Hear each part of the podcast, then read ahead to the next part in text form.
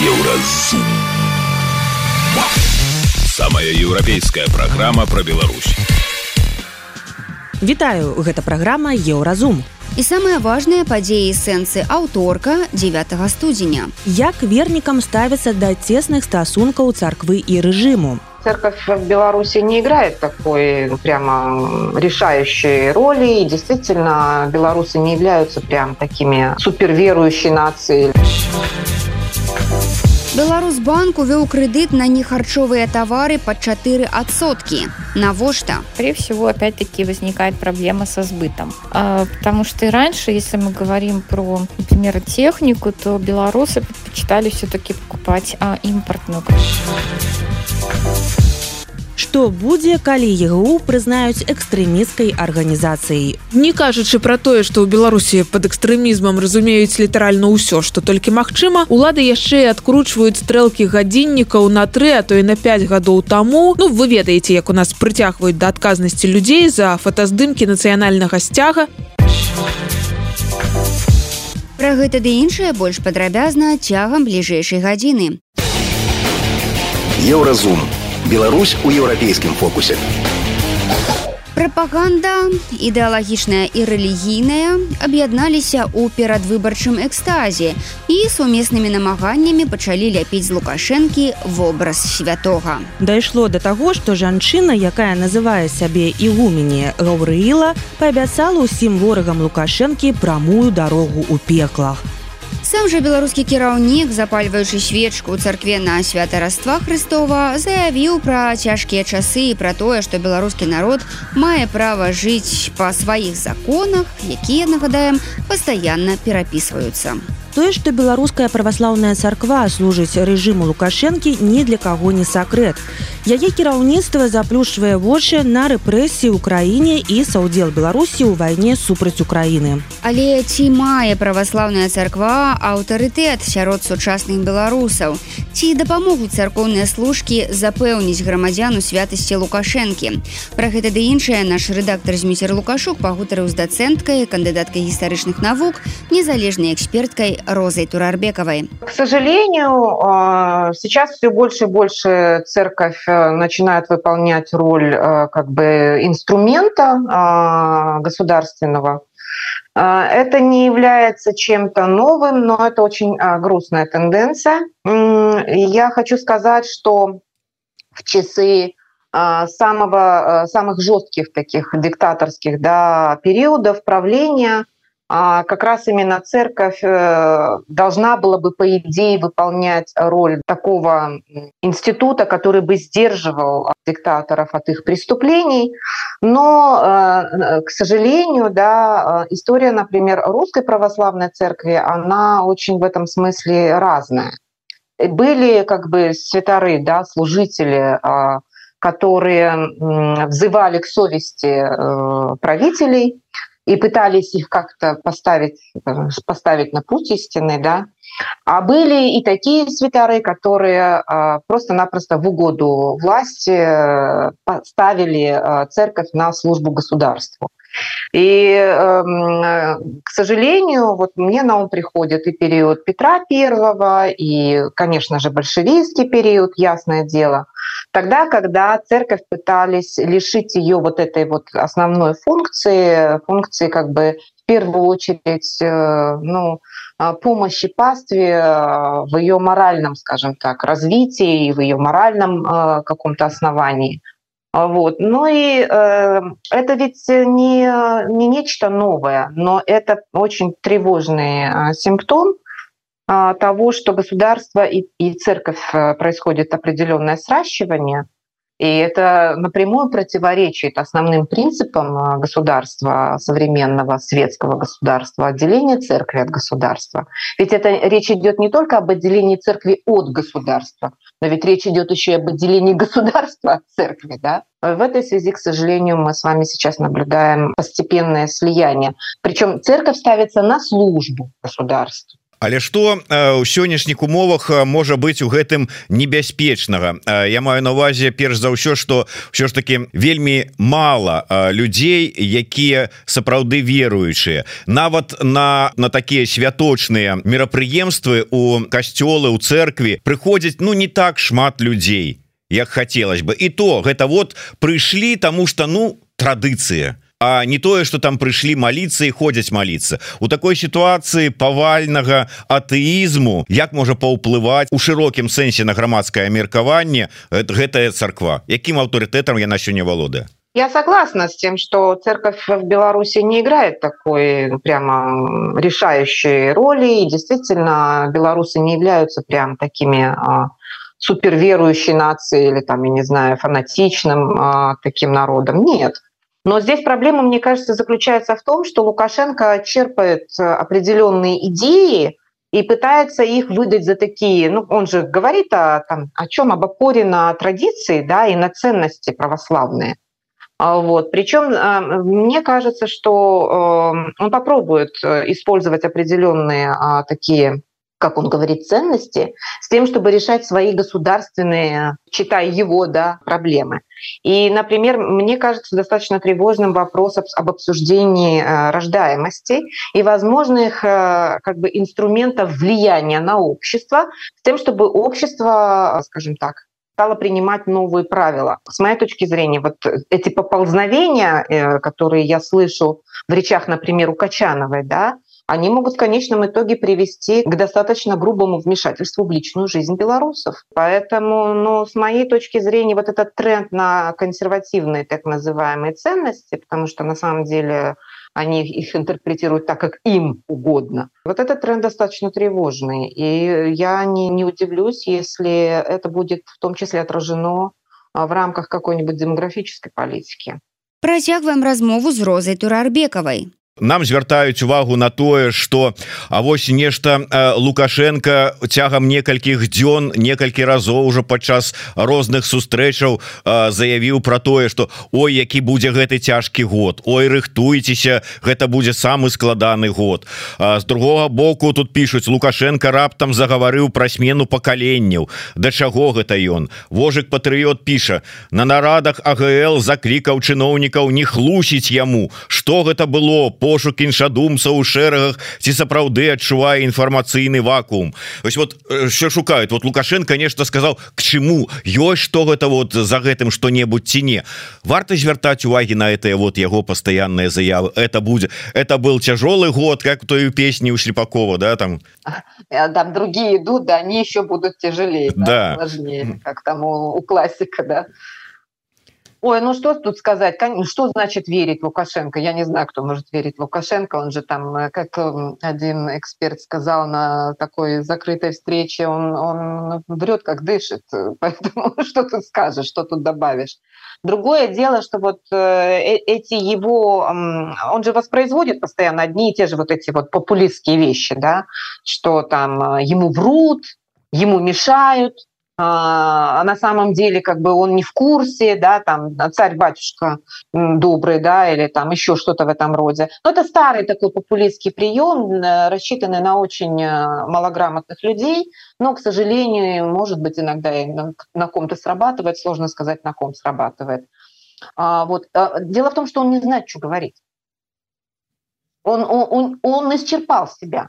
Он повторяется это, я не знаю по какому кругу, и он ничего нового он придумать не может. Он не может предложить людям новое видение будущего. Вот в чем дело. То есть то, о чем мы с вами всегда говорили, э, уже, может быть, даже и год тому назад, у него нет видения будущего.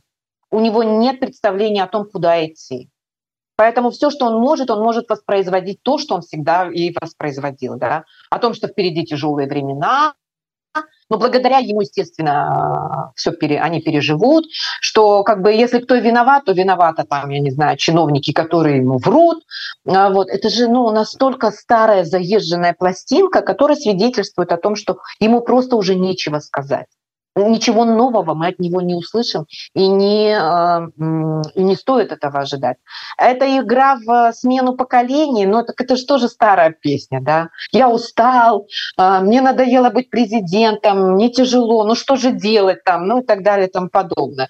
Вот. Ну сколько можно как бы на это покупаться? Я вот просто поражаюсь всерьез начинают обсуждать в связи с этими изменениями в Конституцию. Он уйдет на роль главы ВНС, а кто останется? Да он никогда не оставит кресло президента. Это, эти все игры были затеяны с тем, чтобы, с одной стороны, простите за это просторечие, запудрить мозги да, всем, а второе э, – это проверить своих же.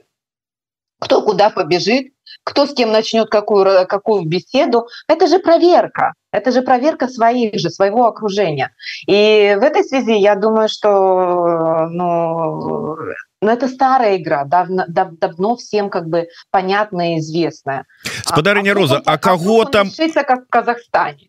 А вдруг он решится на то, что сделал в свое время Назарбаев? Не решится. Он уже, кстати говоря, свою оценку транзиту в Казахстане, он уже говорил. Тогда он был, кстати говоря, честь.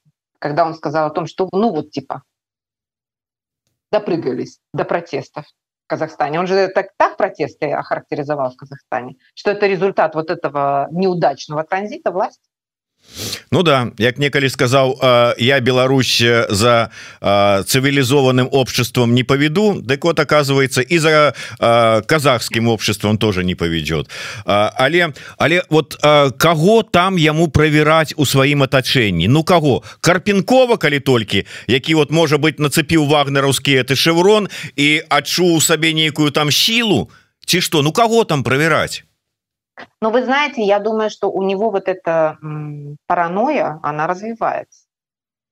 Я думаю, что это как раз э, то, что действительно для него характерно. Я думаю, после 2020 года она приобрела просто масштабы такие очень серьезные. Вот. Э, я думаю, что он уже параноидально к этому относится. Потому что, я думаю, он э, видел, что а, чиновники не то чтобы там его предавали, но они отсиживались а я думаю, он это воспринял как предательство. Вот, поэтому э, я думаю, что нет, вот как раз здесь такие как-то там э, э, э перетрахивания лишним не бывает. Вот э, думаю, что это да, он там заявляет об очередном э, перед, ну, пере, пересмотре их отношений, э, проверку на лояльность. А это все, кстати говоря, хорошо укладывается в, в, в рамках предвыборной кампании, как э, ну, парламент, бог с ним, это просто репетиция. Да? Самое главное, перед президентскими выборами. Я думаю, что вот этот его страх и его эта паранойя, она развивается очень серьезно. Я думаю, что он боится, он боится своих же, он боится, что свои его, возможно, променяют на какой-то вариант, который предложит Путин. Я думаю, что у него такие страхи, скорее всего, есть. А, и э, думаю, что он а, вот как бы в условиях, когда он стеснен со стороны Кремля, он боится, что его могут очень легко поменять на что-то, обменять на, на что-то. Э, и здесь рационального мало. Здесь скорее вот такой вот страх животного характера я бы сказала так. Гэта была гісторык незалежная экспертка роза турарбекова. Яна патлумачыла што азначаюць заявы лукашэнкі пра цяжкія часы і як вернікам ставіцца да ўсё большага збліжэння царквы і беларускага рэжыму а Далее у праграме еўразум беларусбанк увёў крэдыт на нехарчовыя товары под 4 адсотки навошта? Скорее всего опять-таки возникает проблема со сбытом. А, потому что и раньше если мы говорим про например технику то белорусы предпочитали все-таки покупать а, импортную Што будзе, калі ЕГУ прызнаюць экстрэміскай арганізацыяй. Не кажучы пра тое, што ў Беларусі пад экстрэмізмам разумеюць літаральна ўсё, што толькі магчыма, улады яшчэ адкручваюць стрэлкі гадзіннікаў на тры, а то і на 5 гадоў таму. Ну вы ведаеце, як у нас прыцягваюць да адказнасці людзей за фотаздымкі нацыянальнага сцяга. Сустрэнемся пасля музычнай паўзы і навінаў спорту.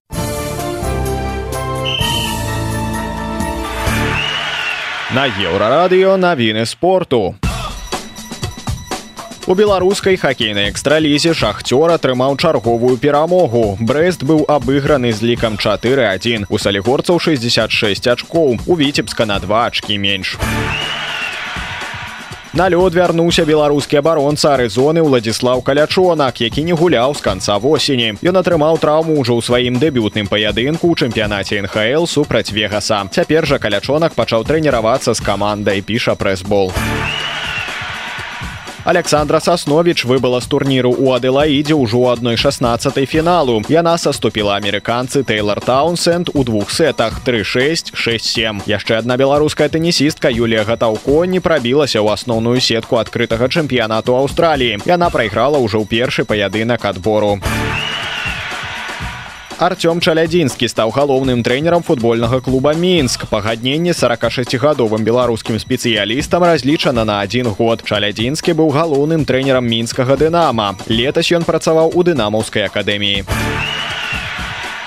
Ва ўзросце 78 гадоў памёр легендарны нямецкі футбаліст і трэнер Франц Бекенбауэр. Ён лічыцца адным з найлепшых абаронцаў два стагоддзя. Гэта былі навіны спорту, заставайцеся на еўрарадыё.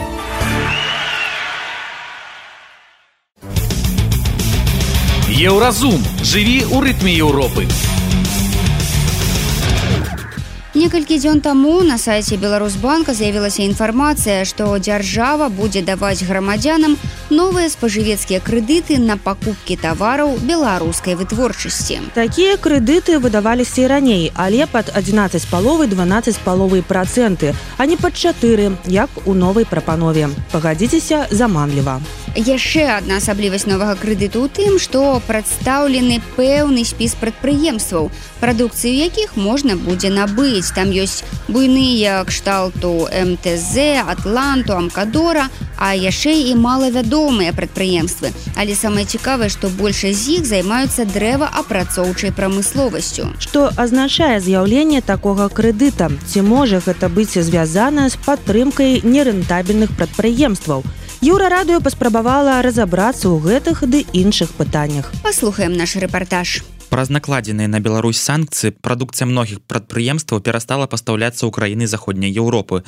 Асноўнымі рынкамі збыты для беларускай прамысловасці сталі Расія, Кітай і краіны СНД. Відаць, праз відавочнае зніжэнне попыту многія прадпрыемствы пачалі цярпець і вырабленыя тавары цяпер ляжаць на складах. Паводле звестак Белстата запасы гатовай прадукцыі вырабаў з дрэва і паперы на складах у 2022 годзе склалі больш за 460 тысяч адзінак, што амаль удвая больш больш чым на канец 2021 года. Такая карціна назіраецца і з вытворчасцю электраабсталявання. 205 тысяч адзінак на складах у 2022 супраць 132 тысяч у 2021 агульная колькасць вырабленых тавараў якія захоўваюцца на складах выросла з 6 до 8 мільёнаў адзінак. Акрамя гэтага паводле таго ж белстата у 2023 годзе беларусы купілі толькі 38 процентаў айчыннай прадукцыі рэшта замежная мы не можем сцвярджаць што арганізацыі прадстаўленыя ў спісе Беларусьбанка працуюць сябе ў страту але праблемы відаць у іх ёсць. Распрадаць свае тавары пад вельмі маленькі процент унутранаму спажыўцу чаму б не? Цікава толькі якая выгада ў самого банка. Эканаміст Алексей харкевич расказаў радыёвабода што ўлады прынялі такое рашэнне таму што прадпрыемствы самі завінаваціліся дзяржбанку. Гэтыя тавары калі разважаць абстрактна належаць банку. Такія кампаніі не ў стане пагасіць крэдыты Такім чынам банк мусіць неяк прадаць гэты тавар. Банк валодае гэтым таварам праз даўгі і банк хоча пазбавіцца яго па зніжанай стаўцы подазраю что менавіта прадпрыемстве са спісу не могуць разлічыцца перад банкамі і гэта робіцца для таго каб такім чынам пазбавіцца даўгоў. Эканамістка цэнтра бераг анастасія лузгіна кажа што ўвядзенне льготных крэдытаў беларускім урадам не навіна. Паводле яе гэта мусіць стымуляваць насельніцтва купляць больш айчынных тавараў але пэўных вытворцаў. Ну почему именно э, вот э, сейчас возникла необходимость э, в таком кредитовании то Тут, э, конечно, может зависимость от э, предприятия может быть э, по-разному, немножко разнится причины, да, например, финансовое состояние компании, но, скорее всего, опять-таки возникает проблема со сбытом. А, потому что и раньше, если мы говорим про, например, технику, то белорусы предпочитали все-таки покупать а, импортную какую-то бытовую технику, а, ну и, соответственно, вот спрос на белорусские холодильники и телевизоры он был, но не нельзя сказать, чтобы он был высоким. В условиях, конечно, санкций, в условиях э, проблем со сбытом на внешние рынки возникла вот эта вот необходимость э, как бы стимулирования покупки именно товаров отечественного производства на внутреннем рынке. Что до мэбли, то на думку эканамісткі тут таксама замяшаныя санкцыі дрэваапрацоўка цяпер мае вельмі вялікія праблемы са збытам. Еўрапейскага рынку больш няма а перафарматавацца под новых пакупнікоў не так і лёгка. Акрамя вышэй пералічанага кажа лузгіна у насельніцтва летась моцна выраслі доходы павысіліся заробкі адпаведна выросла і крэдытаванне што прывяло да перагрэву эканомікі то при высоком э, росте э, доходов население начинает переключаться на более а, качественные, хорошие продукции, в том числе на импорт. А, и э, в этих условиях, э, во-первых, проигрывает э, белорусский производитель, то есть люди не хотят покупать белорусское, обращаются к импорту.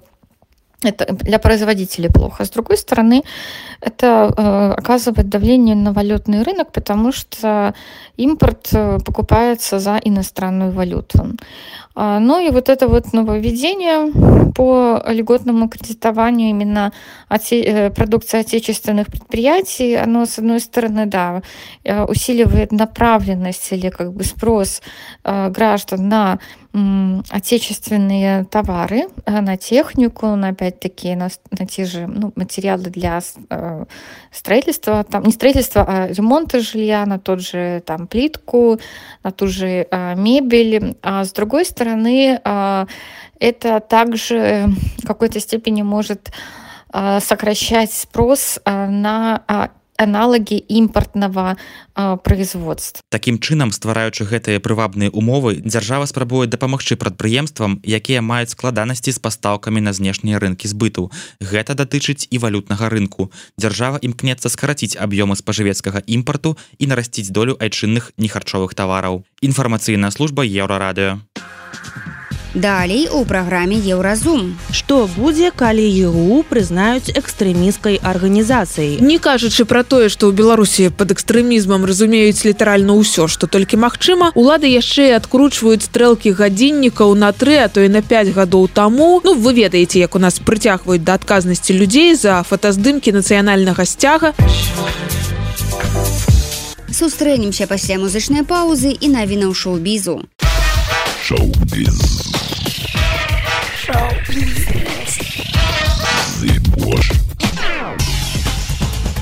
Навіны шоу-бізу на еўрарадыё.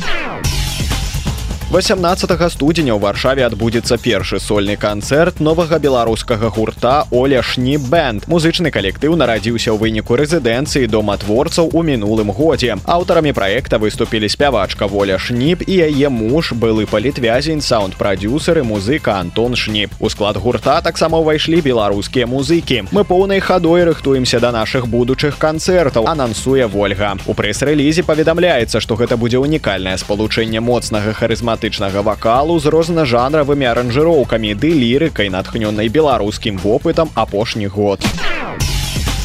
Дама Мэгі Сміт не мае ўзросту. З такім загалоўкам выйшаў вялікі артыкул у італьянскім выданні Роулінг Стоун. Актрыса Мэгі Сміт, якой амаль 90 гадоў па-ранейшаму не старэ ў сваёй доўгатэрміновай кар'еры, пачынаючы ад вядомай стужкі гак і да знакамітых Гары Потара і абацтва Даунтан. З дзвюма прэміямі Оскар і намінацыі на прэмію Бафта яна з'яўляецца знакавай асобай Галівуду і англійскага кіно. Нягледзячы на тое, што Сміт змагалася з ракам малочнай залозы падчас працы над Гары гары поттерам яна працягвала здымацца. Ролей вайлет кроулі ў абадстве даунтан актрыса дадала яшчэ адзін дыямант у сваю кінематаграфічную калекцыю. Аўтары падкрэсліваюць што сміт вытанчана пазбягала скандалаў і сур'ёзнай крытыкі заслужыўшы тытул дама ад каралевы лізаветы а ізраильскі акцёр і музыка зорка серыяла фауда і дан амедзі атрымаў цяжкае раненне падчас аперацыі супраць баевікоў хамас у сектары газа ізраильскія сМ паведамляюць што яго даставілі самалётам у лякарню. Там медыкі выдалілі аскепкі з цела акцёра. Бацька амедзі расказаў журналістам што зараз жыццю яго сына нічога не пагражае. І дан у першыя дні вайны вырашыў добраахвотна ўдзельнічаць у аперацыі супраць баевікоў. Я заклікаю палітыка ў сродкі масавай інфармацыі і ўсіх астатніх. Калі вам няма чаго чаго сказаць добрага просто трымайце рот на замку. Народ Ізраіля жывы заявіў раней акцёр выданню Times of Israel калядны канцэрт вольнага хора пройдзе ў вроцлаўскай катедры святого Яна хрысціцеля 12 студзеня паведамляе рэформбай падчас імпрэзы можна будзе пачуць сапраўдную беларускую дуду і калядную гісторыю паводле казкі пра тое як святога міколу забаранялі у выкананні беларускіх акцёраў а таксама святочныя песні вольнага хору і вольнага аркестра. Гэта былі навіны шоу-бізу. Заставайцеся на еўрарадыё. Из